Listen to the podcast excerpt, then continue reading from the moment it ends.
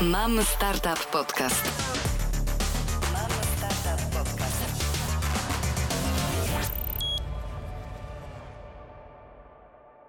Tutaj Marta Janczewska-Barzek z podcastem Mam Startup. Dzisiaj rozmawiamy z Michałem Lachowiczem z Solo. Czy mógłbyś na początku opowiedzieć trochę o sobie, o swoim wcześniejszym doświadczeniu i o tym, jak trafiłeś do Solo? Jasne. Witam Was wszystkich. Ja nie chciałbym zbyt dużo czasu absorbować, bo jako człowiek już z dosyć zaawansowanym PESEL-em o swoich doświadczeniach to pewnie mogę opowiadać godzinami, jeśli nie miesiącami, więc postaram się w miarę krótko. Jestem człowiekiem fitnessu, więc jestem spoza tego bombla startupowego, spoza obszaru technologicznego. No i tak właśnie trafiłem do solo.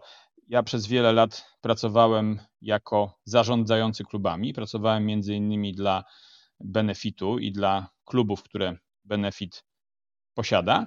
I tam właśnie zetknąłem się z Solo. Solo po prostu przyszło do nas ze swoją ofertą. Jeszcze to chyba było przedpandemicznie, tak na, na tyle, na ile pamiętam. I żeśmy rozmawiali o tym, żeby Solo wprowadzić do klubów, no a później oczywiście pandemia i wielki reset. A z kolei w momencie, kiedy jakiś tam czas po pandemii rozstałem się z korporacją, no to odezwałem się do Rafała, założyciela Solo i od słowa do słowa jestem w Solo. Dołączyłem jako ta osoba, która w startupie jest właśnie odpowiedzialna za produkt rozumiany jako coś, co dostaje klient i klient jako coś, co widzi klient, odpowiedzialna za sprzedaż i za marketing w tym sensie dostosowania produktu czy opakowania produktu tak, żeby rynek go chciał i żeby rynek widział w nim wartość, żeby klient widział w nim wartość. Jeszcze tak może zanim przejdziemy do samego solo, to się ciebie jeszcze dopytam tak trzy kroki wcześniej. Co cię w tym świecie fitnessowym zainteresowało, że tam postanowiłeś się rozwijać? No, to będą 33 kroki wcześniej, bo sadystycznie lubię pastwić nad moim, nad moim wiekiem. Ja od 30 lat właściwie funkcjonuję na rynku fitness. Jestem fizjoterapeutą z wykształcenia, w związku z tym no to była na pewno jakaś dobra, dobra forma wejścia.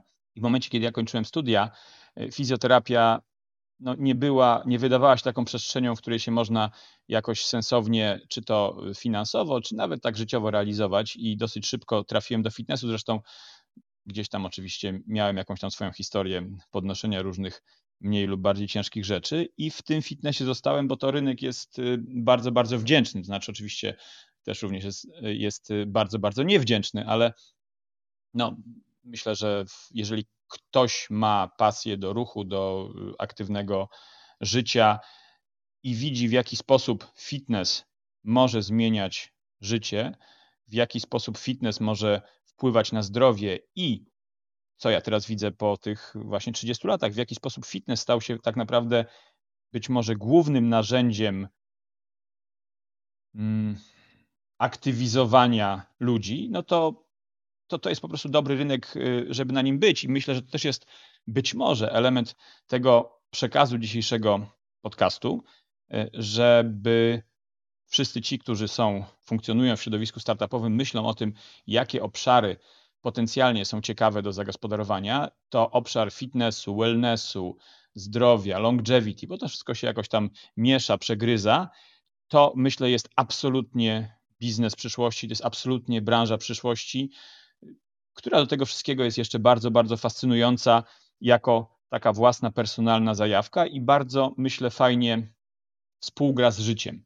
To są rzeczy, które naprawdę wychodząc z pracy, człowiek nie odkłada tego na półkę do kolejnego dnia, tylko też w ramach swoich pozapracowych pasji, hobby można to realizować. Więc ja bardzo fitness polecam. Mam nadzieję, że ten podcast też oprócz opowiadania historii solo, wszystkich w jakiś tam sposób zainspiruje i zmotywuje do tego, żeby ten fitness do swojego życia, a być może i do swojego biznesu wmontować. Dobrze, to jak to się stało, że po skończeniu studiów z fizjoterapii trafiłeś do fitnessu i jak ta twoja ścieżka potem cię, właśnie już trochę wspomniałeś o tym, ale jak to się stało, że wylądowałeś właśnie w solo i właśnie, że jesteś odpowiedzialny tam za markę sprzedaż, bo może to się wydawać mało intuicyjne, jak od fizjoterapii dojść do pracy w startupie i sprzedaży i marketingu. Wiesz, w momencie, kiedy może tak. Pierwszy krok, czyli przejście z fizjoterapii do fitnessu, no, mam wrażenie, że chyba pewnie nic więcej na ten temat więcej nie powiem. Po prostu y, okazało się, że nie jestem w naturalny sposób terapeutą. Y, interesuje mnie pewnie głównie ruch, interesuje mnie pewnie głównie aktywność fizyczna i prawdopodobnie interesuje mnie bardziej zachowanie zdrowia niż y, terapia osób chorych. W związku z tym ten ruch w stronę fitnessu był naturalny. W momencie, kiedy zacząłem zajmować się fitnessem, oczywiście na początku jako trener, jako no, taki trener, terapeuta, trener personalny, to były czasy, kiedy to pojęcie właściwie jeszcze nie istniało. Tak krok za krokiem zacząłem przechodzić y, w stronę funkcji takich bardziej menedżerskich, administracyjnych. To takie były czasy, że to było traktowane jako dosyć naturalny kierunek y, rozwoju, kierunek awansu. Zresztą bardzo mi się to podobało. Uważam, że całkiem fajnie się w tym sprawdzałem. W momencie, kiedy zaczynasz zarządzać klubami, no to siłą rzeczy Twoim głównym obowiązkiem, Twoim głównym celem jest sprzedaż.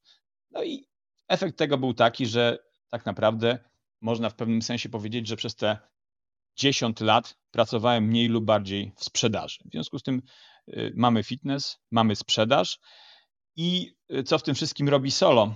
Ja jestem człowiekiem y, absolutnie z analogowej ery i technologia to zupełnie nie jest moja branża, jeśli chodzi o kwestie moich kompetencji, zrozumienia, ale być może tym bardziej widzę w technologii ogromną szansę dla fitnessu, dla wellnessu, dla zdrowia i mając ten taki przegląd przez lata tego, co się y, w tej branży działo, a właściwie co się nie działo właśnie w związku z brakiem technologii, a co zdarzyć się może w związku z tym, że ta technologia do tej branży wkroczyła, y, no głównie chodzi o możliwość gromadzenia danych, głównie chodzi o możliwość analizy tych danych i głównie chodzi o moż możliwość no, generowania pewnych bardzo spersonalizowanych protokołów treningowych, życiowych, tak brzmi strasznie technicznie, ale może tak właśnie powinno w tym podcaście brzmieć.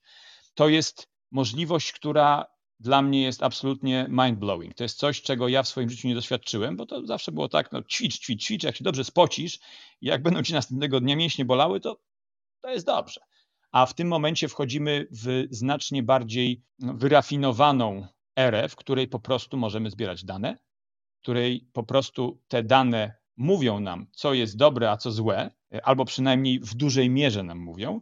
I solo jest, jakbym powiedział, że solo jest odpowiedzią y, na ten problem y, taką od A do Z, no to też, też pewnie skłamał, zresztą o tym będziemy mówić. Solo na pewno jest częścią tej odpowiedzi i to jest coś, co mnie fascynuje, połączenie technologii y, z fitnessem, ze zdrowiem, czy, czyli rzeczami takimi bardzo pierwotnymi. Ja tylko, jak już tak płyniemy, to popłyniemy. Jest taka postać jak Brian Johnson, prawdopodobnie, być może właśnie w tym środowisku, które nas y, słucha, to być może jego, jego nazwisko coś mówi. To jest człowiek, który sprzedał swoją technologiczną spółkę no, lat temu przynajmniej kilka, dokładnie nie, wiem, kil, no, dokładnie nie wiem ile, ale za grube pieniądze, za prawie miliard dolarów. I w tym momencie misją jego życia jest wypracowanie protokołu wiecznej młodości, tak bym to mógł nazwać. On to oczywiście wszystko testuje na sobie y, i to jest człowiek, który chce się maksymalnie odmłodzić właśnie takimi protokołami zdrowotnymi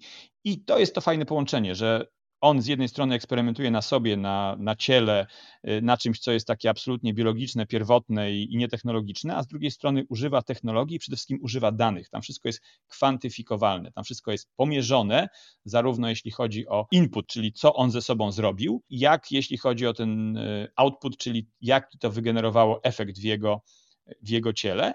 I te procedury, które są efektywne, no to one zostają, te, które są nieefektywne, to nie zostają. I znowu, technologia daje nam taką, oczywiście jest rozsądnie, mądrze stosowana, póki co jeszcze jakoś tam filtrowana przez tą naturalną ludzką inteligencję. Technologia daje nam taką możliwość, żeby nasz trening i w związku z tym nasza dbałość o zdrowie i możliwość utrzymania tego zdrowia, y, no, żeby to weszło na, nawet nie, na, nie tyle na poziom wyżej, ile na kilka poziomów wyżej.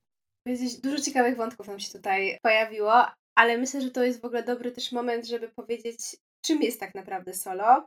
I też przy okazji jestem bardzo ciekawa, jak tak naprawdę wyglądało to Twoje pierwsze zetknięcie się z solo, bo wspomniałeś o tym, że jeszcze jak pracowałeś właśnie w siłowni, to solo tak, że tak powiem, przyszło do Ciebie z propozycją e, współpracy jeszcze takiej, żeby to wprowadzić rzeczywiście tam na miejscu, więc jestem ciekawa, jaka była Twoja pierwsza taka reakcja, jakie gdzieś tam pytania się pojawiły, co Ci się podobało, a co może wtedy Ci się jeszcze nie podobało w tym, w tym produkcie i czy rzeczywiście udało to się wtedy e, w tej siłowni wdrożyć. Tak, no faktycznie ta historia jest taka niejednoznaczna w tym sensie, że tak jak y, no były pewne rzeczy, które mi się w solo podobały, ale też były rzeczy, które mi się w solo nie podobały i to też pokazuje ewolucję e, całego produktu. Ja już nie pamiętam, który to był rok, jak mówię, to było prawdopodobnie gdzieś tam przed pandemią. W każdym razie solo miało wtedy już ten swój trzon, którym e, była i jest cały czas opatentowana bardzo e, wiarygodna technologia. W skrócie jest to technologia, która mierzy trening na maszynach siłowych i na maszynach cardio.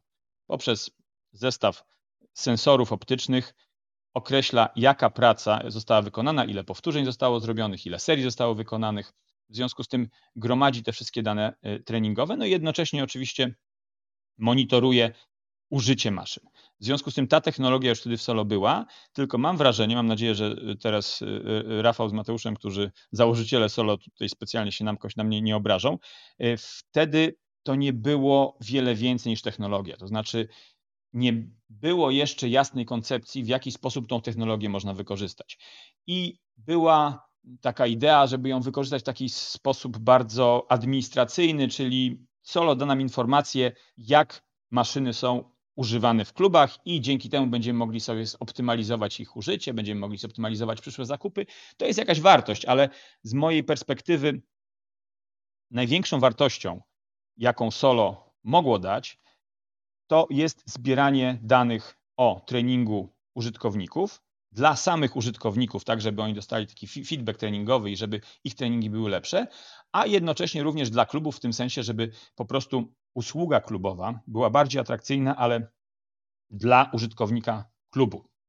Te dane administracyjne, które przy okazji dostajemy, to byłaby tak, że tak powiem, druga linia mojego zainteresowania. I wtedy nie było jeszcze rozwiązania na to, w jaki sposób te wszystkie dane, które są de facto, już wtedy były przez y, Solo zbierane i y, no, Solo już wiedziało, co ludzie robią, jak ludzie ćwiczą, ale nie były w żaden sposób, nie, nie było żadnego interfejsu, który by połączył klienta z, ze swoim treningiem.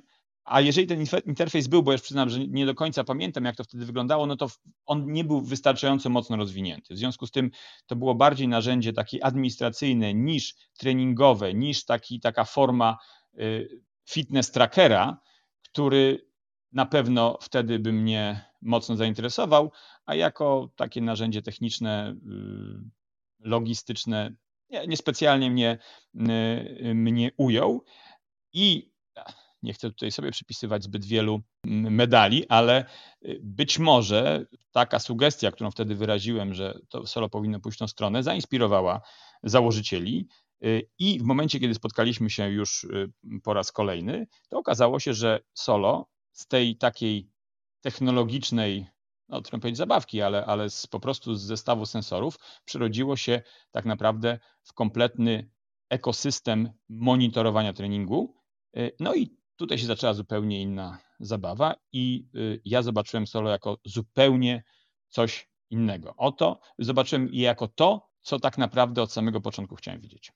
Czyli wtedy na tamten moment wy tego nie wdrożyliście siłowni, bo nie widzieliście jakby takiego dobrego use case'u pod to dla siebie.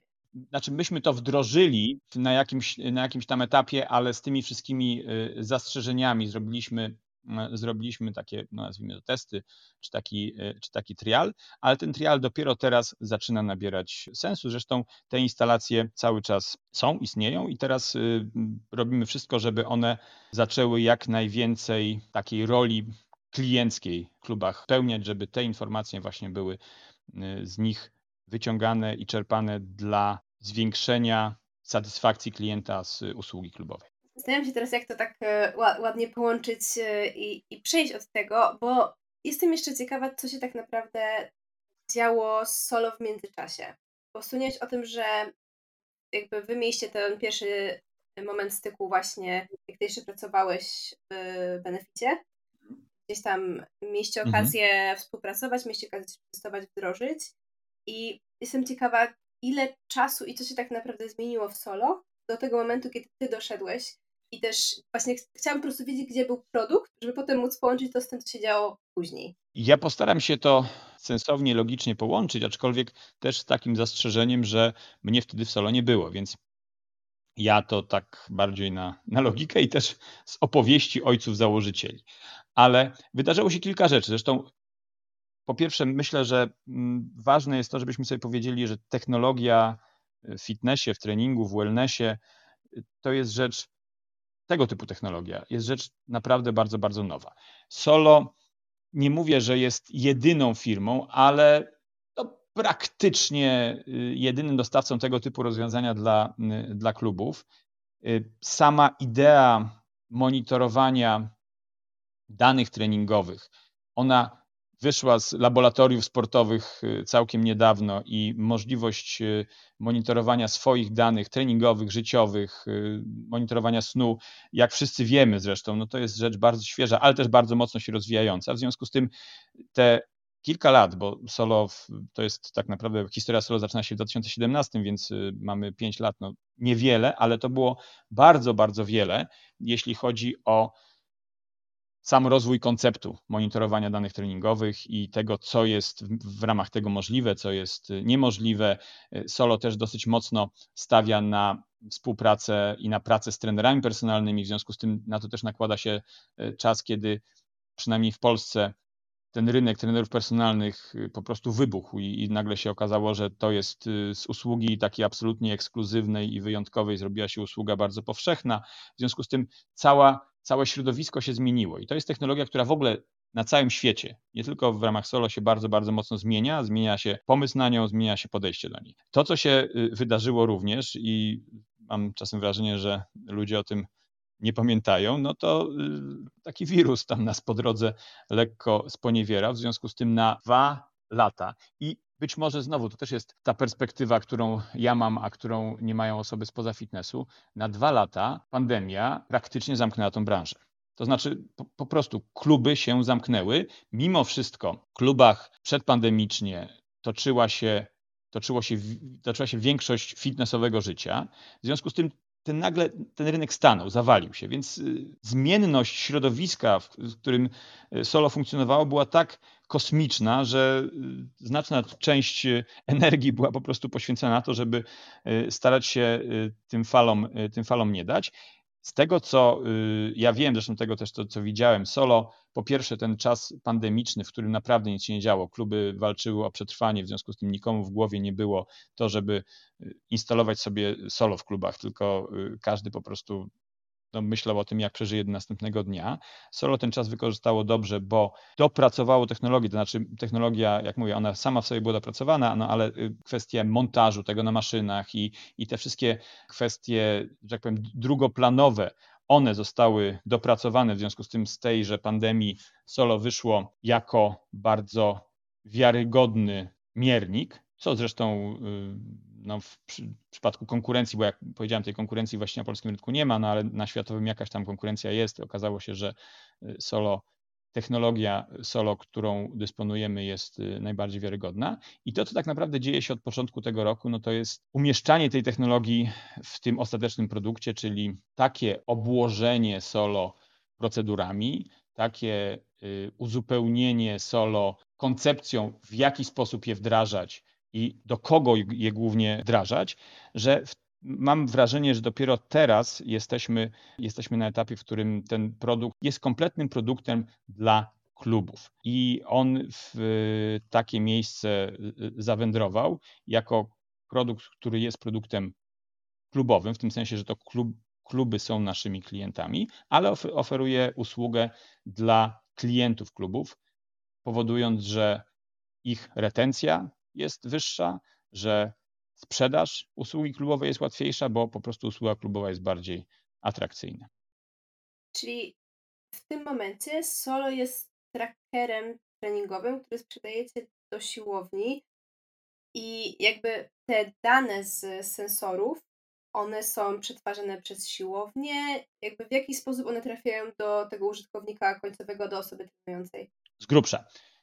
Wszystkie maszyny, na których jest zainstalowane Solo, czyli są zainstalowane sensory Solo i zainstalowana taki centralny unit, one generują dane dotyczące użycia tej maszyny. W związku z tym, jeżeli weźmiemy sobie e, na przykład taką maszynę, tak zwaną maszynę stosową, czyli taka klasyczna maszyna siłowniana, w której mamy stos z obciążeniem, takie cegiełki tego obciążenia, tam wkładamy tą, tego pina, tą taką zawleczkę, no i odpowiednia część tego stosu się rusza wtedy, kiedy wykonujemy ćwiczenie. W związku z tym sensory solo obserwują, jak ten stos się rusza, ile razy się poruszył, jaka część tego stosu się poruszyła, w związku z tym, jakie kilogramy były poruszane, jak szybko się porusza, w jakim zakresie się porusza. I te wszystkie dane są sczytywane i są przekazywane do chmury. I to jest ta podstawa, to jest coś, co solo, no powiedzmy sobie, zawsze robiło. I teraz z tejże chmury możemy poprzez tak zwany solo workout, czyli tą aplikację kliencką, te dane odczytać. W związku z tym klient, który taką aplikację sobie ściągnie i który się y, na tejże maszynie y, zaloguje, po pierwsze widzi, co zrobił, y, widzi w jaki sposób ten trening przebiega, ile zrobił powtórzeń, ile zrobił serii, z jakim zrobił je ciężarem, może to sobie odnieść do treningu, który dostał od klubu i który ma w tej aplikacji również zapisany, bądź treningiem, który sam sobie wymyślił, bądź treningiem, który wymyślił mu jego trener, bądź, bądź po prostu y, no, ćwiczy na tak zwanym freestylu, czyli podchodzi do maszyny, mówi dzisiaj ta, łączę się, robię. W związku z tym te wszystkie dane się zapisują, te wszystkie dane są później w statystykach analizowane, te wszystkie dane, jeśli on tylko tego sobie życzy, może podejrzeć trener, może powiedzieć mu good job, albo może powiedzieć mu y, no, ruszyłbyś się trochę bardziej. W związku z tym to jest ta część e, kliencka. Tam jest możliwość monitorowania tego, mm, jaki robimy postęp, czy robimy ten postęp, czy ćwiczymy tyle razy, ile byśmy e, chcieli, ile żeśmy sobie planowali. To jest ta jedna, że tak powiem, odnoga solo. Drugą odnogą solo jest aplikacja, którą teraz właśnie e, wdrażamy. To jest tak zwany solo coach, czyli ta końcówka systemu i ten no powiedzmy te, te, te drzwiczki do, do, do, do bazy i do chmury, które, y, nad którymi panuje trener i on poprzez swoją aplikację trenerską widzi, co robią jego podopieczni i może po pierwsze z tymi y, podopiecznymi poprzez tą aplikację tą swoją relację w jakiś tam sposób lepiej poukładać, bo tam są kalendarze treningowe i, i po prostu można się tak normalnie no, po ludzku poumawiać na treningi. To jest jedno, ale przede wszystkim mm, on widzi, jak, jak klienci ćwiczą i może klientom wysyłać programy treningowe. W związku z tym y, to jest y, ta, ta, ta, że tak powiem, druga, druga noga. I trzecia to jest coś, co się nazywa Solo Console.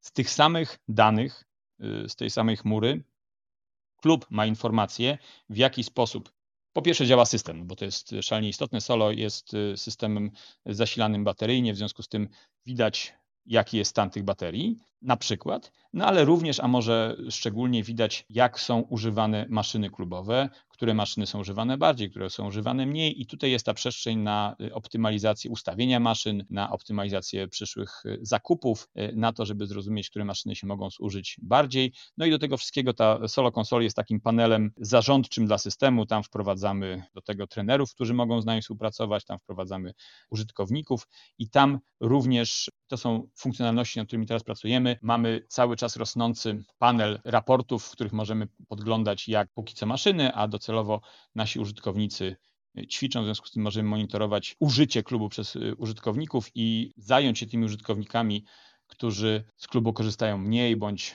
którzy w sposób ewidentny są, y, no, mniej tej relacji wyciągają wartości. To bardzo ciekawe, bo wy tak naprawdę z tego co mówisz macie trzy grupy docelowe, bo z jednej strony hardware sprzedajecie do siłowni, z drugiej strony trenujący muszą mieć też tą waszą aplikację i z niej korzystać. No i jeszcze tutaj nam się pojawiają właśnie ci trenerzy, do których też docieracie.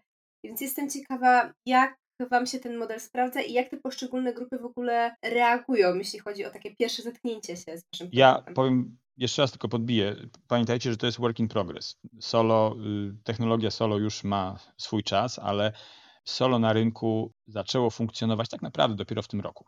W związku z tym ten feedback y, cały czas zbieramy i on będzie ten nasz produkt dalej kształtował. I tak, racją jest, że mamy trzy grupy potencjalnie zainteresowane produktem. No do tego stopnia, że my jesteśmy w tym momencie na etapie y, takiego bardzo mocnego profilowania informacji i, i marketingowej, i takiej edukacyjnej dla każdej z tych grup, ale naszym klientem są kluby. To znaczy, my dajemy klubom rozwiązanie na pracę z klientem i my dajemy klubom rozwiązanie na, pracę, na pracę z trenerem i my dajemy klubom rozwiązanie na optymalizację własnych klubowych procedur, no, takich administracyjnych powiedzmy. Więc y, faktycznie mamy wielu beneficjentów, ale mamy tak naprawdę jednego klienta, więc to trochę nam, to trochę nam tą y, naszą rzeczywistość porządkuje. No oczywiście wymaga, wymaga innego komunikatu, bo dla y, klienta, dla tego end-usera nie jest specjalnie istotne to, że dostanie statystyki, jak był używany LegPress i czy ten LegPress należy przestawić z jednego konta drugi, ale dla klubu już jest istotne, czy użytkownik X do klubu przychodzi i czy treningi wykonuje i czy jest to zgodne z planem, który został mu przez klub przepisany. No, bo w fitnessie, ale myślę, że w każdym biznesie jest prosta zasada. Jeżeli z, z usługi korzystasz i to z usługi korzystasz w ten sposób, w jaki ty chciałeś korzystać, ale też w jaki fachowcy radzą ci korzystać, no to znaczy, że będziesz z tej usługi zadowolony. Jak będziesz z tej usługi zadowolony, to w tej usłudze pozostaniesz. Jak pozostaniesz, to będziesz płacił. Biznes klubowy jest biznesem subskrypcyjnym. Teraz wszystkie biznesy są subskrypcyjne, to jest święty gral i teraz subskrypcję można wykupić na wszystko. Kiedyś naprawdę, nie wiem czy był, w moich czasach zaczynałem, czy był drugi biznes tak subskrypcyjny jak fitness. W związku z tym my w tej, tej formule subskrypcji funkcjonujemy naprawdę od dawna i dlatego wiemy, jak istotne jest to, żeby cały czas podtrzymywać tą wartość, jaką klient z usługi wynosi. Bo jeżeli tej wartości y, nie będzie, to on z tej subskrypcji zrezygnuje, a utrzymanie pewnej masy subskrypcji dla klubu jest absolutnym fundamentem tego, tego biznesu. Więc my jesteśmy po to, żeby wspierać kluby. My jesteśmy po to, żeby dać klubom narzędzie. My de facto tym narzędziem pracy nie wykonujemy, oczywiście w pewnym, pewnym uproszczeniu, ale oczywiście też jako, że tym narzędziem muszą się posługiwać klienci klubu, no to my siłą rzeczy wspieramy i kluby, i tych klientów, na przykład informacji, jak narzędziem się posługiwać, produkując tutoriale, produkując materiały informacyjne, czy proponując klubom jakieś formy challenge, czy takiego umieszczenia naszego produktu w procedurach klubowych, żeby klientowi się z tym najlepiej pracowało i żeby faktycznie on solo jak najwięcej mógł wyciągnąć. Jak kluby w ogóle reagują na wasz produkt? Bo czy to zainteresowanie się zmienia, co im się podoba, a do czego może nie są do końca przekonane? O, to jest temat rzeka. Nie ma na pewno jednej odpowiedzi, jak kluby reagują na nasz produkt, bo reagują różnie. Są, są na pewno kluby, które kupują solo dlatego że to jest technologia. Technologię trzeba mieć, technologia jest modna, ludzie oczekują technologii, w związku z tym my będziemy mieli technologię i technologia sama się musi obronić. To jest na pewno, jeżeli miałbym pogrupować takie podejścia, no to pewnie to będzie jedno, jedno z nich.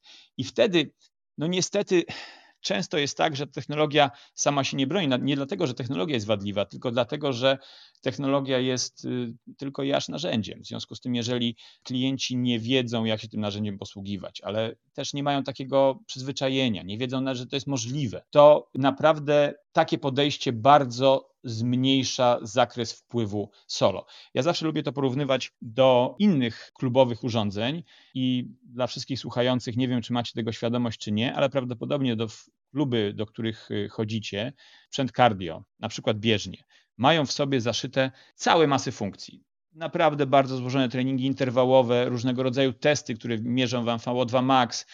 No, naprawdę tam są grube komputery w to powkładane. Prawdopodobnie wy, a jeżeli wy jesteście bardziej dociekliwi, to szapoba, ale większość klientów na tych właśnie złożonych sprzętach ćwiczy w ten sposób, że wchodzi, wciska jest taki magiczny guzik Quick Start i po prostu z wybraną prędkością idzie bądź biegnie. Koniec. W związku z tym ten cały komputer trochę leży odłogiem.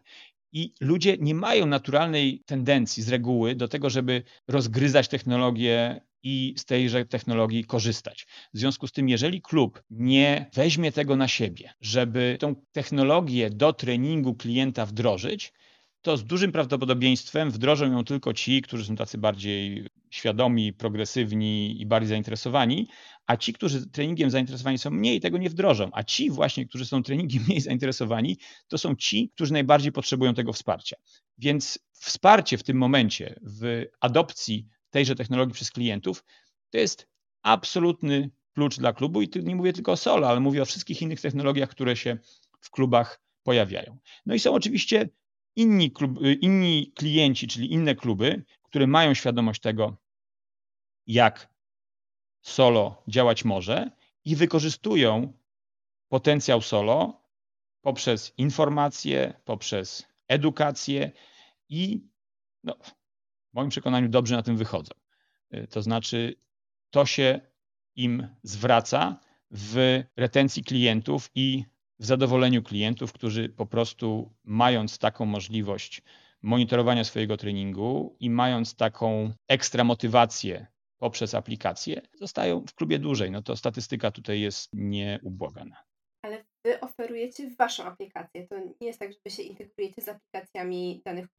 W tym momencie tak, znaczy to jest nasz główny produkt, czyli mamy aplikację Solo, Solo Workout, ale już w tym momencie jest to praktycznie możliwe, a za chwilę to będzie możliwe w taki dużo łatwiejszy sposób. Po pierwsze rozwiązania typu white label, one za, za chwilę wejdą, a druga możliwość to jest integracja naszego produktu z aplikacjami klubowymi bądź z aplikacjami innych dostawców usług, którzy też do klubów wchodzą i też świadczą taką usługę technologiczną albo właściwie dają narzędzia do tego, żeby trening klubowy technologizować. I zresztą jak już o tym mówimy, to wydaje mi się, że to jest być może jedno z głównych wyzwań dla solo, ale w ogóle też dla tych systemów monitorowania treningu, żeby się w tych ekosystemach, które dopiero się tworzą, tak naprawdę nie wiadomo, kto tutaj będzie, kto tutaj będzie hubem, a kto będzie tylko dostawcą usługi, żeby w tym wszystkim się odpowiednie partnerstwa poukładać, żeby odpowiednie produkty czy odpowiednie usługi zintegrować solo albo z solo dointegrować się do odpowiednich usług, co zrobić w ramach solo, jakie funkcjonalności w ramach solo rozwijać, a jakie funkcjonalności sobie w ogóle odpuścić i postawić na integrację, postawić na partnerów. W tym momencie to jest rynek, który dopiero się kształtuje. Nie wiadomo, kto będzie na nim hegemonem za czas jakiś. On bardzo, bardzo rośnie i tak naprawdę to jest jakaś taka jedna wielka, wielka niewiadoma i wybór tych partnerów, no to jest zawsze jakiś, jakieś ryzyko i zawsze, czy za, zawsze jakiś hazard, żeby wybrać tego właściwego partnera, i we właściwy sposób się poukładać. No, wszyscy wiemy, wearable to jest prawdopodobnie coś, co już y, się zadomowiło w y, życiu większości tych świadomych y, klientów. No i dla nich prawdopodobnie to, co mówi ich Apple, Garmin, Fitbit, no to jest świętość, no i pewnie trzeba się dointegrować do tego typu rozwiązań. No ale z kolei jest cała masa rozwiązań klubowych, z którymi te relacje też sobie trzeba poukładać. I, i ta ilość y, rozwiązań będzie rosła i kluby będą coraz bardziej ztechnologizowane, a do tego wszystkiego, już kończąc ten mój monolog, do tego wszystkiego fitness staje się hybrydowy. To znaczy to, co żeśmy, i pandemia tutaj bardzo mocno namieszała, tak jak fitness był bardzo dużym stopniu offline'owy brick and mortar, czyli to on ograniczał się tylko i wyłącznie do takich bardzo realnych powierzchni, do czterech ścian i wtedy aplikacje, czy, czy właśnie takie wearable, one wspomagały fitness. W momencie pandemii, kiedy kluby zostały zamknięte, fitness w dużej mierze przeniósł się do domów i w dużo większym stopniu wszedł w technologię, wszedł w różnego rodzaju online'owe y, platformy treningowe. No, myślę, że wszyscy, którzy y, w technologii w technologii siedzą, słyszeli o, o, czymś takim jak Peloton, który też jest technologiczną formułą fitnessową y, i to wahadło wachnęło się w zupełnie y, drugą stronę. Ludzie przestali chodzić do biura i przestali chodzić do klubów. W tym momencie wahadło waha się z powrotem, ludzie wracają do klubów zdecydowanie. To jest najlepszy okres dla klubów fitness, jaki, jaki był w historii. I tak samo ludzie wracają do biur, ale myślę, że już na zawsze fitness zostanie hybrydowy, więc trochę tych treningów będziemy realizowali w klubach, trochę tych treningów będziemy realizowali w domu, trochę w outdoorze, więc ten ekosystem fitnessowy będzie y, gdzieś tam musiał obejmować tą całą rzeczywistość. Bardzo ciekawej rzeczy wspomniałeś, bo rzeczywiście mam takie wrażenie, że mamy sposoby i mamy technologię na to, żeby gdzieś tam mierzyć, trekować e, różnego rodzaju aktywności, ale do tej pory to były głównie aktywności typu cardio, interwały, które głównie mhm. się opierały gdzieś tam albo na mierzeniu dystansu GPS-a, czy na mierzeniu ewentualnie tętna. Do tej pory brakowało nam i gdzieś tam powiedzmy dalej brakuje, szczególnie z perspektywy dostępności ogólnej, dobrych narzędzi, żeby trakować treningi siłowe. Mhm. Y, więc... Już jesteśmy. już jesteście. Y, więc y, no, jest to gdzieś tam, to, to rozwiązanie jest moim zdaniem naprawdę bardzo ciekawe. Też ja też pewnie nie jestem bardzo tutaj neutralną osobą, bo jak gdzieś tam też z tą branżą fitness miałam, miałam trochę, trochę styku i ten wellness tak mnie, też mnie szczególnie interesuje ale z drugiej strony wydaje mi się, że to jest w ogóle bardzo dobry czas dla fitnessu, dla wellnessu, bo zainteresowanie tą branżą takie bardzo szerokie weszło do takiego mainstreamu i bardzo dużo ciekawych rzeczy się dzieje. To, o czym wspomniałeś, o tych e, integracjach, e, o wearables różnego rodzaju, to jest coś, co się staje coraz bardziej powszechne. I tutaj jestem ciekawa, czy wy w tym momencie w ogóle się już jakimiś tego typu rozwiązaniami integrujecie, czy macie to w planach i jak tak, to o czym myślicie? Tak, integrujemy się. Y, nie tyle mamy to w planach, ile oczywiście mamy w planach tych integracji więcej. Y, już w tym momencie się integrujemy. Y, ja nie chcę rzucać nazwami, no, bo to nie są rzeczy, które zostały w tym momencie jakoś mocno upublicznione, więc nie chciałbym tutaj za bardzo wybiec przed, szereg, ale tak, oczywiście. Robimy to szczególnie, że znowu każdy, kto pracuje w technologii, wie, że to są dosyć długie procesy, może nawet niekoniecznie, znaczy pewnie wystarczająco długie, jeśli chodzi o kwestie pisania kodów i robienia wszystkich interfejsów pomiędzy systemami, ale również długie, jeżeli chodzi o kwestie uzgodnienia, czyja ręka jest na wierzchu i, pod, i, i kto tutaj daje, daje szyld, a, a kto daje, mm, mówiąc kolokwialnie, flaki. Więc tak, oczywiście robimy to. Oczywiście robimy to, bo z wielu powodów. To znaczy, po pierwsze, solo tak jak uważamy, to jest świetny produkt, tak też wiemy, że jest to produkt w swoich funkcjonalnościach ograniczony. Ludzie w tym momencie, szczególnie kiedy mówimy o wellnessie, a nie o fitnessie, czyli mówimy o, o tym, że ludzie są zainteresowani nie tylko treningiem fizycznym w klubach, ale są zainteresowani tym, w jaki sposób to wszystko się układa z ich snem, z ich dietą, z ich lifestylem, z ich y, stanem mentalnym. No, w związku z tym oni patrzą na, na swój wellness y, wielo, y, wielopłaszczyznowo, z wielu perspektyw. No i solo siłą rzeczy nigdy nie będzie systemem kompletnym. W związku z tym my się musimy jakoś w te rozwiązania, które na rynku są albo będą za chwilę, musimy w jakieś się w nie wpisać. Więc my jesteśmy, zabrzmi źle, ale myślę, że wszyscy zrozumieją, skazani na, na tego typu partnerstwa. I chodzi o to, żeby je dobrze wybrać, o to, żeby je dobrze poukładać. W związku z tym tak, przymierzamy się do wielu i są takie, które już w tym momencie realizujemy, no ale myślę, że każdy, kto tego typu projekty realizował albo, albo przynajmniej gdzieś się nad nimi zastanawiał, to wie, że to są, jak mówię, długie i y, często trudne, trudne rozmowy.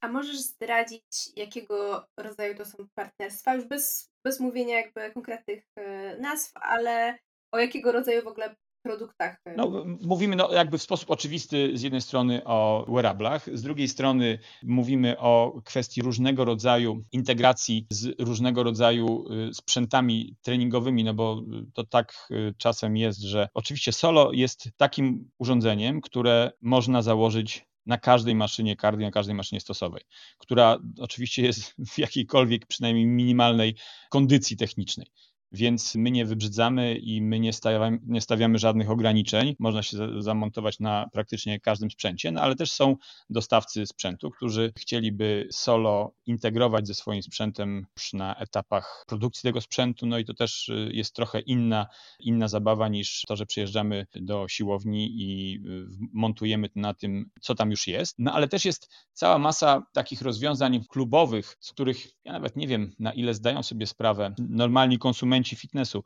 Nie wiem na ile wiedzą, że tego typu rozwiązania są, bo one póki co w naszych, w naszej rzeczywistości nie są jeszcze specjalnie, specjalnie popularne, ale na świecie już popularne bardzo są, czyli rozwiązania tutaj znowu rzucam tylko i wyłącznie dla potrzeb zobrazowania, rozwiązania typu MyZone, czyli takie formuły na klubowe mierniki tętna. To tak brzmi y, pewnie bardzo, bardzo generycznie, no ale koniec końców to, że mamy pewną formę wearabli, których główna funkcja ogranicza się do klubu. Mamy różnego rodzaju technologiczne rozwiązania, które dostarczają klubom takiego kontentu treningowego, to znaczy dają klubom możliwości wizualizacji pewnych treningów na ekranach w klubie i prowadzenia de facto zajęć grupowych z wirtualnym trenerem, ale to, to nawet nie mówimy o takich zajęciach grupowych, jakie wszyscy mamy na myśli, że to, to są, to jest sala do aerobiku i tam y, na zajęciach stepu zamiast trenera jest ktoś na ekranie, ale mówimy o tym, że tego typu rozwiązania się integruje z taką przestrzenią treningową, z przestrzenią funkcjonalną, czy nawet z takimi przestrzeniami właśnie z maszynami y, siłowymi i stosowymi. No, są y,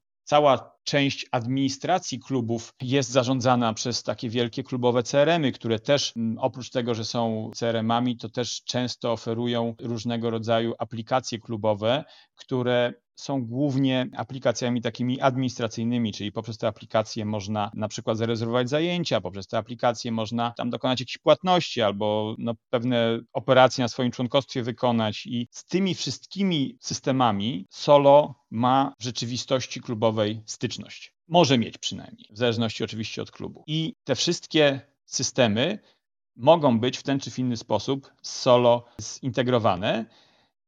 Klient oczekuję tego, że w środowisku klubowym ta usługa, ja, ja to od dłuższego czasu no, określam właśnie w ten sposób, będzie taką usługą bezszwową. On wchodzi do klubu i ćwiczy, te dane gdzieś tam się produkują, gdzieś tam się zaczytują, on się nie musi martwić, czy włączył właściwą aplikację, czy się przełączył z aplikacji siłowej na aplikację cardio, a na końcu jeszcze na aplikację administracyjną, gdzie sobie kliknął zajęcia. On po prostu chce, żeby to w sposób magiczny. Wszystko znalazło się w jednym miejscu, najlepiej później się skoordynowało z jego Garminem albo z, z jego Applem y, i żeby ta informacja była, docelowo pewnie jeszcze, żeby ją widział lekarz, docelowo, żeby ją widział ubezpieczyciel. Więc to jest w tym momencie z mojej perspektywy znowu w Polsce tego jeszcze nie widać, ale na zachodzie widać to już coraz bardziej, a my y, jako solo na te rynki zachodnie, na tych rynkach zachodnich jesteśmy aktywni i tam widzimy po zainteresowaniu, że tam jest dosyć duża perspektywa rozwoju. Na tych rynkach to jest wielkie takie pole, nie mówię, że pole bitwy, ale właśnie pole, na których te integracje w tym momencie się dzieją. No i są do tego stopnia, że są firmy, które zajmują się właśnie doradztwem klubom w zakresie tych integracji. To znaczy oni biorą te wszystkie, znaczy nie wszystkie, ale biorą różnego rodzaju systemy i radzą klubom w jaki sposób te wszystkie puzzle poukładać w taki jeden obrazek, który dla klientów będzie strawny i będzie po prostu poprzez SSO się zapisuję, mam jedną aplikację i do tej aplikacji robię wszystko. Tutaj klikam zapłać członkostwo, a później klikam zrób trening i nic więcej mnie nie interesuje. No w związku z tym to, to jest wszystko work in progress, to się wszystko dzieje y, i w no i siłą rzeczy duża część naszej aktywności i naszej uwagi jest właśnie temu poświęcona, żeby się odpowiednio w ten obrazek y, z naszym rozwiązaniem wkleić.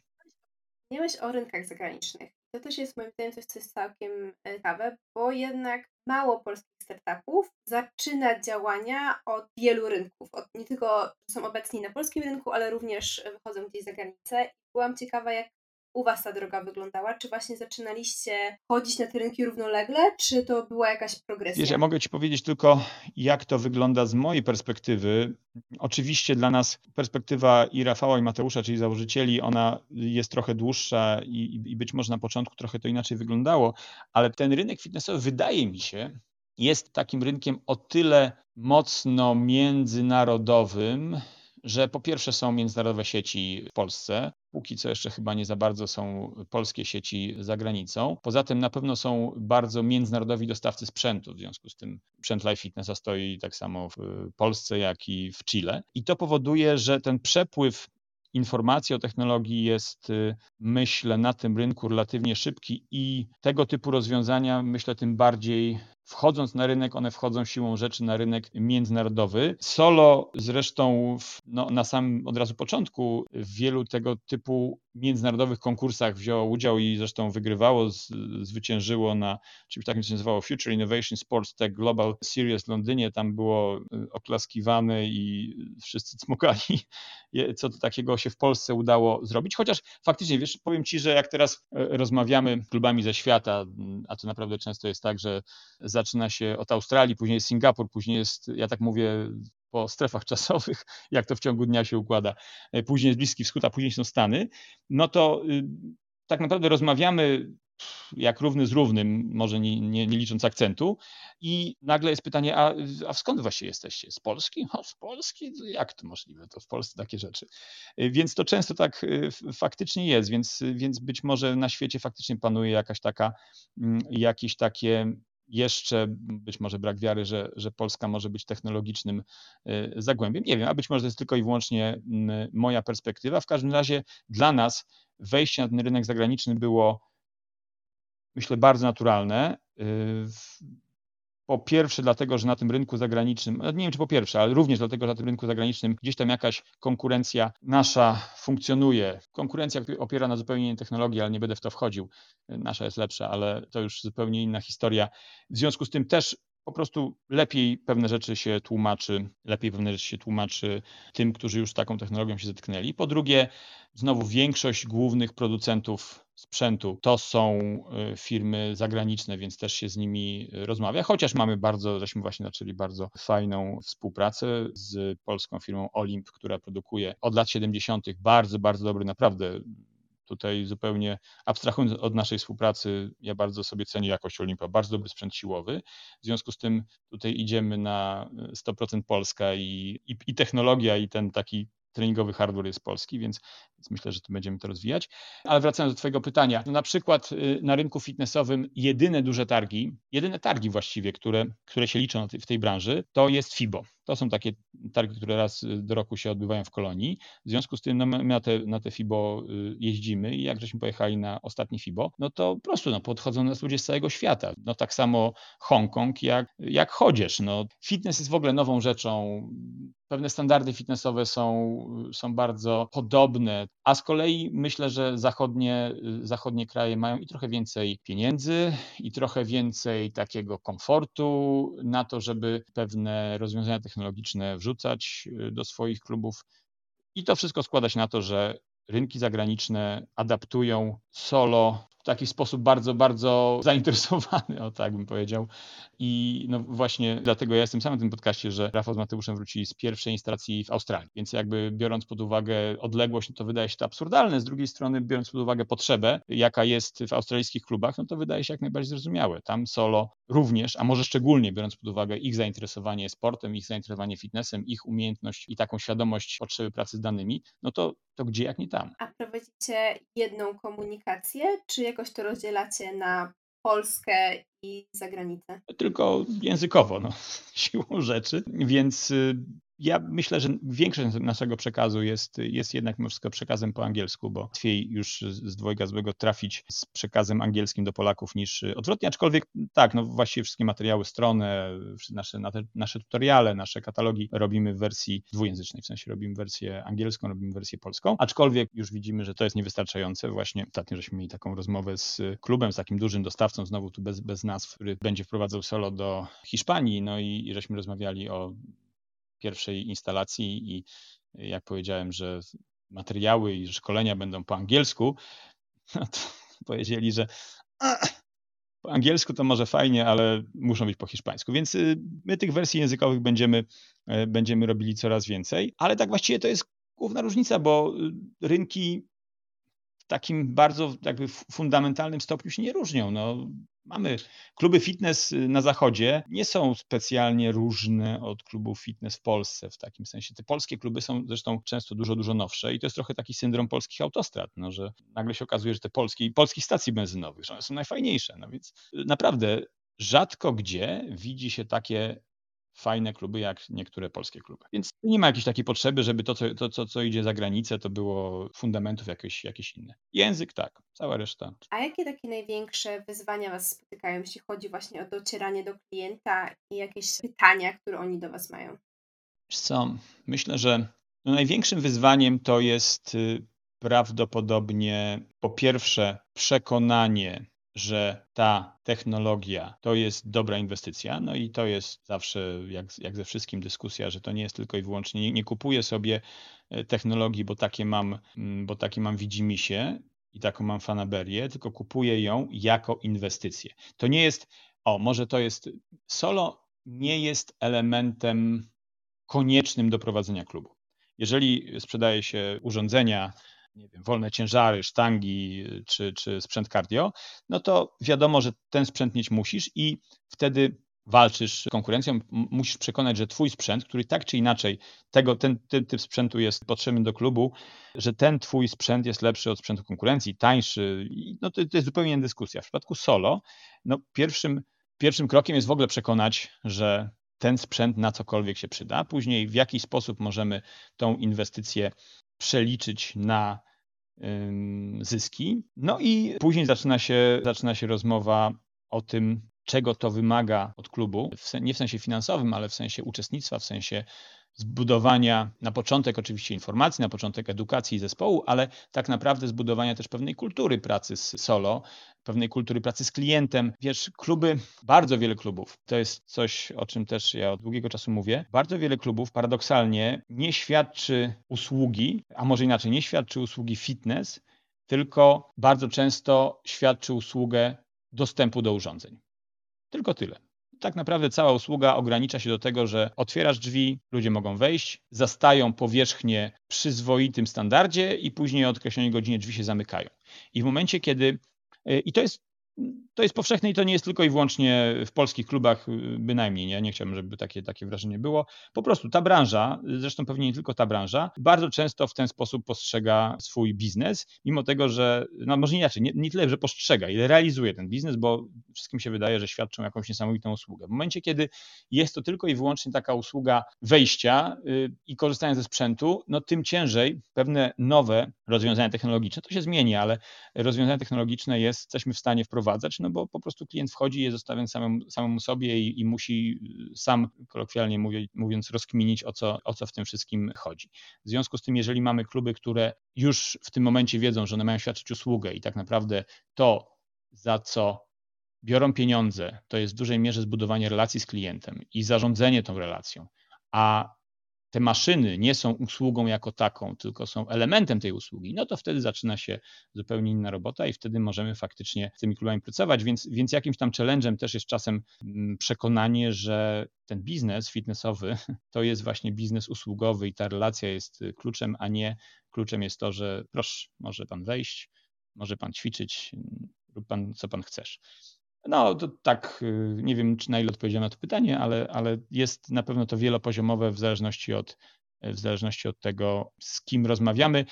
Póki co, solo wśród licznych challenge'y nie ma tego challenge'u związanego z jakąś nadmierną konkurencją, że ktoś mówi, wiesz co, przekonuje mnie to, ja bym to wziął, ale firma, firma Duo świadczy taką usługę y, dwa razy taniej. To tego, tego nie mamy, ale znowu, no to jesteśmy po prostu w awangardzie tego, tego biznesu. Y, nie wątpię, że gdzieś w przyszłości konkurencja będzie powstawała. Mam nadzieję, graniczącą z pewnością, że ta konkurencja będzie powstawała napędzona y, niebywałym sukcesem solo. Powiedzieliśmy dużo o tym, jak siłownie reagują na wasz, na wasz produkt, jak, jak do nich docieracie, ale jestem też ciekawa, jak to wygląda z użytkownikami końcowymi. Jak reagują tak naprawdę ludzie trenujący? Czy mieliście tutaj jakieś takie wyzwania, żeby do nich dotrzeć, żeby ich przekonać, żeby tę aplikację ściągnęli, żeby z tego korzystali? Czy raczej spotkaliście się z pozytywnym odbiorem i dużą chęcią użytkowników końcowych, żeby z tego rzeczywiście korzystać? Jeszcze raz podbijając, że ta historia, rynkowa historia solo jest jeszcze bardzo, bardzo krótka, w związku z tym te wszystkie informacje, które żeśmy zdobyli z rynku i które do nas z rynku spłynęły, ich jeszcze nie jest tak dużo, to dając tego disclaimera na samym początku, to myślę, że, znaczy to jest tak, naszymi klientami są kluby. W związku z tym klienci, klienci klubów, czy ci ostateczni użytkownicy Solo, czy ostateczni użytkownicy Solo Workout, czyli tej naszej głównej aplikacji, to są klienci klubowi, którzy na tyle są w stanie y, z Solo dobrze skorzystać, na ile klub jest im w stanie to Solo dobrze pokazać, zaproponować i wytłumaczyć. W związku z tym tutaj wiele, bardzo dużo zależy od, zależy od klubu. W związku z tym to może być narzędzie, które jest przez kluby wykorzystane super, ale to może być narzędzie, które przez kluby, jak nie jest wykorzystane, to end user też go, też go nie, nie zobaczy. My widzimy, i takie też mamy sygnały, największy benefit związany z korzystaniem z solo wśród osób, które dopiero zaczynają przygodę w siłowni i wśród osób, no, tak zwanych light userów, dla których klub fitness jest obowiązkowym, ale takim powiedziałbym higienicznym elementem ich życia. To znaczy oni przychodzą do klubu nie dlatego, że tutaj realizują swoją pasję, nie dlatego, że to jest centralna część e, ich życia, ale dlatego, że oni wiedzą, że to jest konieczny element, że aktywność fizyczna, a aktywność fizyczna realizowana w klubie jest po prostu naj, najprostsza. Jest e, koniecznym elementem zdrowego życia, oni tutaj przychodzą, oni swoje robią i wychodzą. Dla nich solo jest rozwiązaniem idealnym. Też mam takie sygnały, że po prostu ono zwalnia z jednej strony zwalnia ich z tych wszystkich wątpliwości, a co ja dzisiaj zrobię, a czy iść, czy nie iść. Aplikacja mówi iść, no i aplikacja mówi co robić, i aplikacja mówi wyjść. I oni to doceniają. I tutaj solo zdecydowanie jest, jest produktem dla nich ciekawym. No na pewno ci tacy heavy userzy, którzy idą w stronę treningu y, na wolnych ciężarach, y, różnego rodzaju form takich nazwijmy to około crossfitowych, czy jakichś kalistenicznych, czy jakichś movementowych, no to wtedy dla nich oczywiście no, ograniczenie działania solo do maszyn stosowych i maszyn cardio jest ograniczeniem i oni mówią, a no to, to mojego treningu to w pełni nie opiszę. No tutaj oczywiście to jest przestrzeń do dyskusji, tak i nie. Oczywiście w aplikacjach solo y, mamy pełen zestaw ćwiczeń, w związku z tym y, programy treningowe tak samo mogą obejmować takie ćwiczenia jak pompki, przysiady i wyskoki. Y, I tam to się wszystko da zapisywać, ale faktycznie one nie są, że tak powiem, opomiarowane. W związku z tym nasz fokus jest na tą grupę osób, no nie tych, nie tych heavy userów, nie tych fitnessowych freaków. No z tym, że warto dodać, że taka, że ta grupa to jest mniej więcej 70% Y, użytkowników klubów i to jest ta grupa, która w tym momencie najbardziej intensywnie do klubów napływa.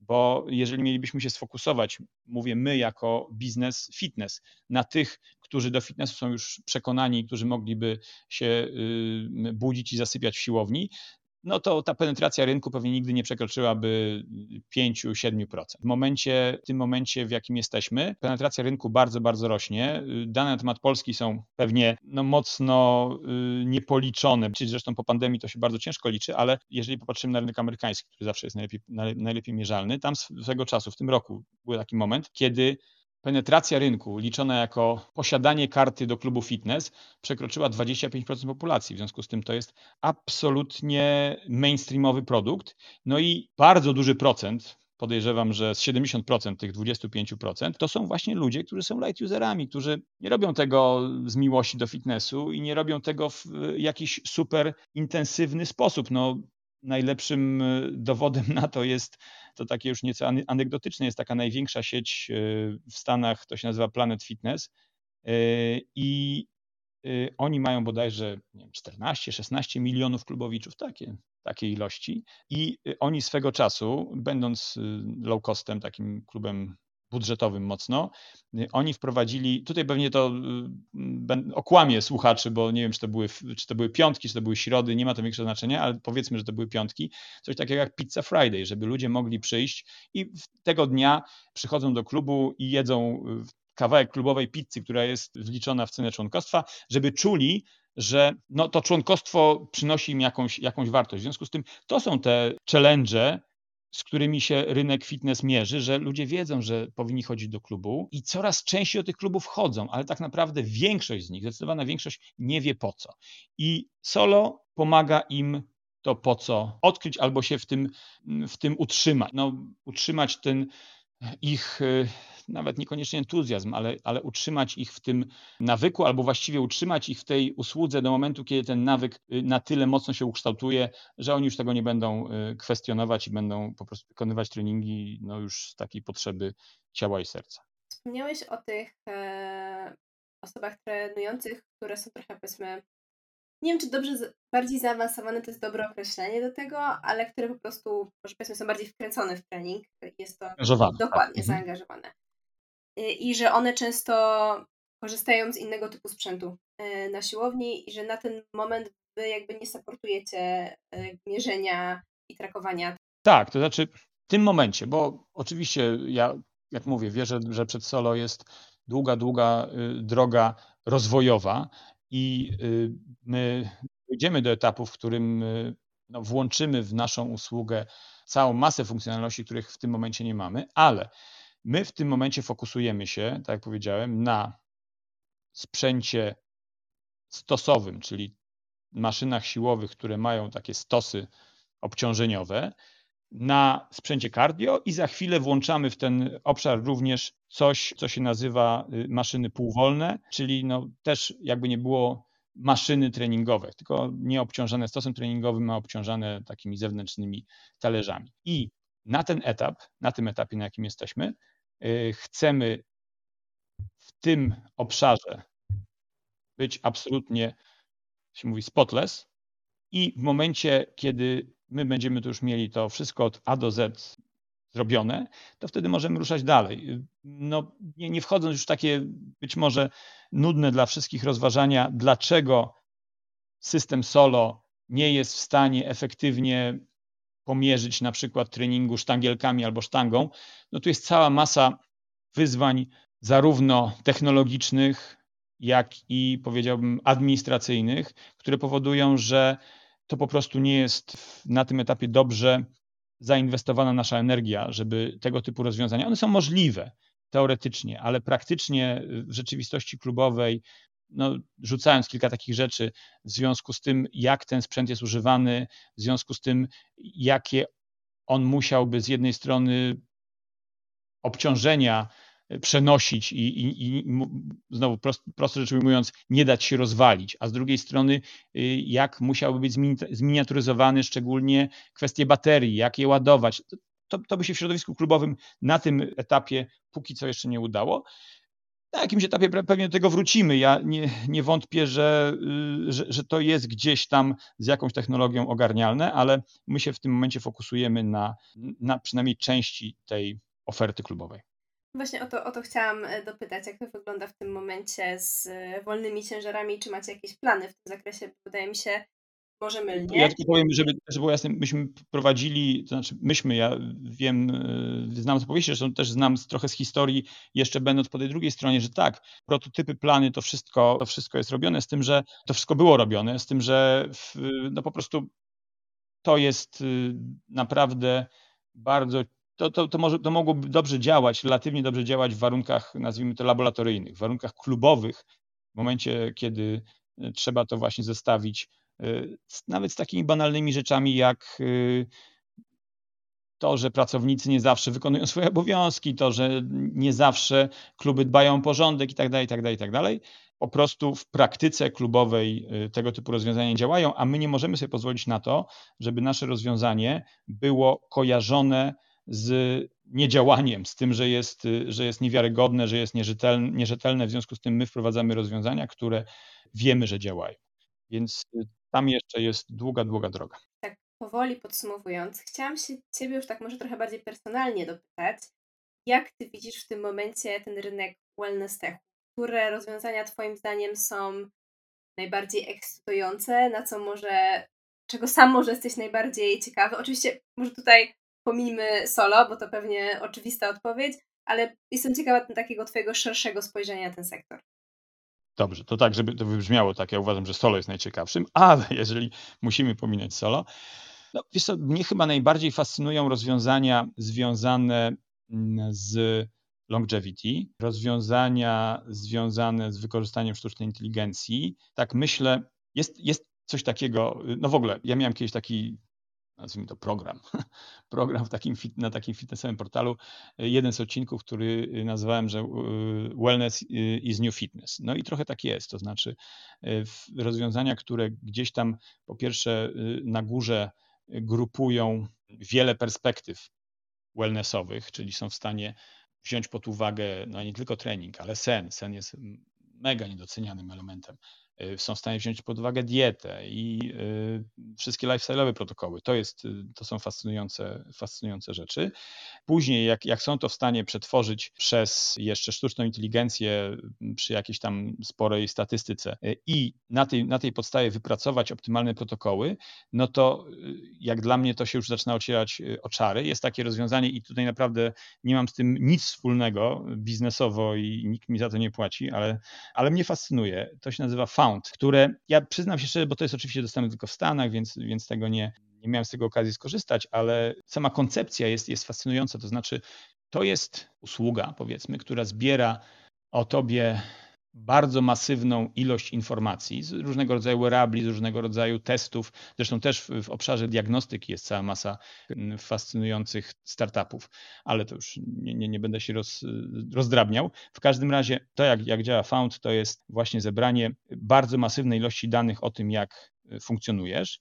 Później poddanie cię pewnym różnym, zmiennym założenia protokołom żywieniowym, treningowym, no, związanym ze snem, z lifestylem i badania, że tak powiem, w czasie rzeczywistym, w takiej pętli feedbacku, trochę tak jak działa startup, pętli feedbacku Twoich reakcji i wypracowanie w relatywnie takim ogarnialnym i krótkim czasie, bo tam zdaje się, to jest od 3 do 6 miesięcy, tyle to trwa, optymalnych protokołów dla Twojego zdrowia i później tak naprawdę poprzez monitorowanie pewnych parametrów, które sobie ustalisz, parametrów zdrowotnych, y, takie tylko delikatne tweaki w tych protokołach. No to jest dla mnie absolutnie przyszłość. Przyszłością są wszystkie technologie, które pozwalają właśnie personalizować treningi, które pozwalają odnieść efekty, nie tylko treningi zresztą, efekty wszelkich takich działań lifestyle'owych czy takich działań zdrowotnych do konkretnej osoby, bo są pewne ogólne zalecenia, ale teraz coraz bardziej się przekonujemy, badania to mówią, że jesteśmy oczywiście bardzo, bardzo podobni do siebie, ale z drugiej strony też bardzo, bardzo inni. I ta inność y, może wynikać tylko w małym stopniu z genetyki, ale a w dużym stopniu z mikrobiomu, w dużym stopniu z otoczenia, rzeczywistości. W związku z tym tak naprawdę większość tych protokołów musimy odnosić do siebie samych i dopóki idziemy schematami, no to bardzo dużo tracimy. A nowoczesna technologia, i, i to jest fascynujące, daje nam możliwość bardzo dobrej personalizacji i uważam, że personalizacja jest tym takim trendem na pewno przyszłości i wszystkie technologiczne startupy w tym obszarze wellnessowym, które idą w stronę personalizacji, to, to ja jestem na tak.